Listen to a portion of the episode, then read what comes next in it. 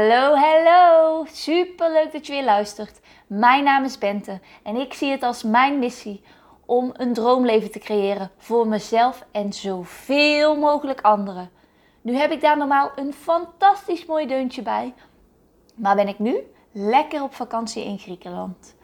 Omdat ik jullie in de eerste podcast al vertelde dat inspiratie bij mij vaak komt op het moment dat ik in beweging kom, wil ik jullie met deze podcast graag inspireren. Dus luister gezellig mee. Het begon namelijk op uh, donderdag. Uh, we zijn s ochtends vroeg vertrokken. Hadden eigenlijk alles tegen wat we tegen konden zitten. Um, we waren s ochtends om 6 uur al uit bed. Om om 7 uur de trein te pakken. En die trein uh, reed niet. En Kevin en ik reageerden daar op dat moment heel anders over. Kevin ging gelijk in de shit en regenmodus en bam, bam, bam. En ik ging meer in de oké, het komt wel goed. Ja, wat er ook gebeurt, het komt wel goed. En dat betekent niet dat ik nooit stress heb over die momenten, maar ik had het er later ook over met Kevin. En toen zei ik ook, op zo'n moment maak ik wel die keuze en kan ik er ook naar kijken van oké, deze situatie gebeurt. Want als ik ermee in ga zitten, gaan wij zelf als twee kippen zonder kop. En dat, dat is gewoon niet helpend. Maar goed, um, lang verhaal kort. Uiteindelijk uh, gingen we ook met het vliegtuig mee. En uh, nou, we kwamen hier op plek van bestemming. En uh, wij hadden van tevoren aangegeven dat wij graag een privé-taxi wilden. Dus er was een aantal euro's extra. Maar dan konden wij alleen in een busje heen naar ons verblijf, naar ons appartement. En over een aantal weken ook weer terug naar het vliegveld super fijn. Ehm, nu merkte ik wel dat um, ik heel gaar was geworden. Ik ben daar, word daar vaak heel gaar van, van zulke reisdagen. Je bent op een airport met heel veel mensen, veel prikkels, veel gevoelens. Je voelt veel spanning bij mensen van gaat het wel goed of nou, van alles. En uh, ik ben iemand, ik kan heel erg last hebben van prikkels, maar ik ben ook heel nuchter en ik sta er ook vaak niet bij stil, waardoor ik sneller overprikkeld ben, omdat ik niet er vooraf bij stilsta en dan is het kwaad al geschied en dan ben ik weer overprikkeld. Zo werkt het af en toe bij mij. Maar goed, wij stapten dus in onze privé-taxi en die vrouw begon eigenlijk al meteen uh, hele verhalen in het Engels te praten. En uh, ja, Kevin voelt zich niet helemaal thuis in het Engels praten. Dus zulke gesprekken, um, soms probeert hij wel mee te praten, maar vaak ja, ga ik dan vooral Engels praten. En uh, dat was verder ook prima. Maar ze praten en ze praten. En ik had in eerste instantie zoiets van. Oké, mag ik ook even landen? En Kevin hoorde ik achteraf, was zelfs de minuten aan het aftellen via Google Maps. maar um, al snel kwamen dus uh, met elkaar in gesprek.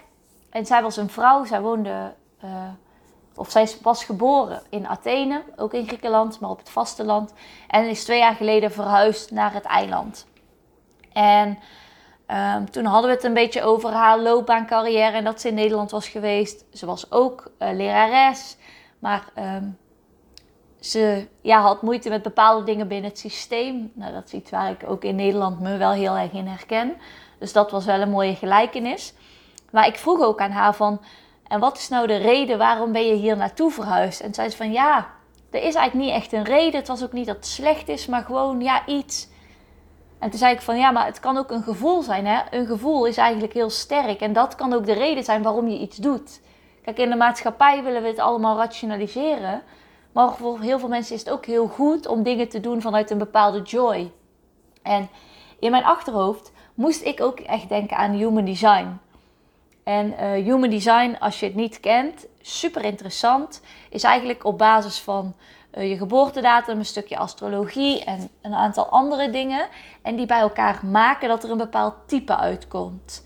En er zijn er vijf types over de hele wereld. En daar kun je eigenlijk alle mensen in verdelen. En uh, Kevin en ik hebben ons daar al wel wat meer in verdiept. Omdat wij twee totaal andere types zijn in Human Design. En dat heeft gezorgd voor zoveel meer begrip. Maar goed, ik dacht daar dus aan. En zij zei, ja, heb je trouwens ooit van Human Design gehoord? ik denk, wat de... Ja, ja. Ik zo, ja, dat wilde ik net tegen jou zeggen. Dus toen vroeg ze van, ja, wat ben jij? Ik zeg, ja, ik ben een manifestor generator. Ik zeg, dus voor mij is het echt belangrijk om dingen te doen die mij joy geven, die mij vreugde geven. En als het niks is, om daarmee te stoppen. En ik dacht ook dat zij het ook was. Ik zei, en Kevin is juist weer een manifester. En voor hem is het niet de bedoeling dat hij vijf dagen in de week knijterhard blijft werken zijn hele leven. Want hij moet initiëren, hij moet grote concepten neerzetten. Zo, zo werkt hij. En uh, zij vertelde vervolgens dat ze projector was. En we hadden een superleuk gesprek. En um, in één keer was ook heel die energie geshift van... Oh my god, waarom praat jij tegen mij naar... Oké, dit is echt super interessant. En uiteindelijk denk ik ook dat ik haar wel weer een mooie takeaway mee kon geven. Dat ik zei van wow, het is gewoon een soort human design uh, taxi driver.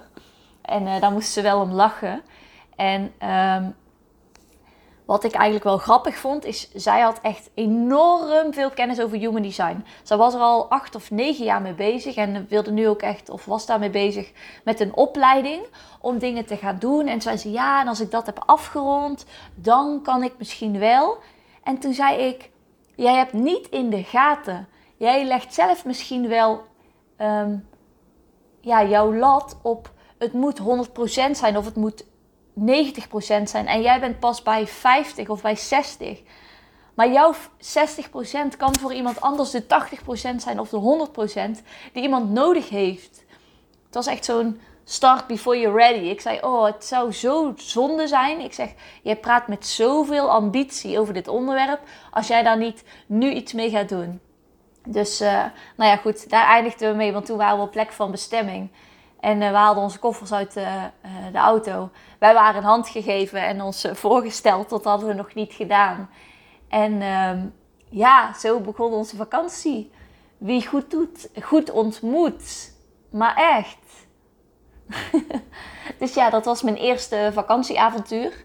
Als je het nou leuk vindt om meer vakantieavonturen of andere dingen te horen, um, abonneer je dan of op mijn kanaal of laat weten wat je ervan vond.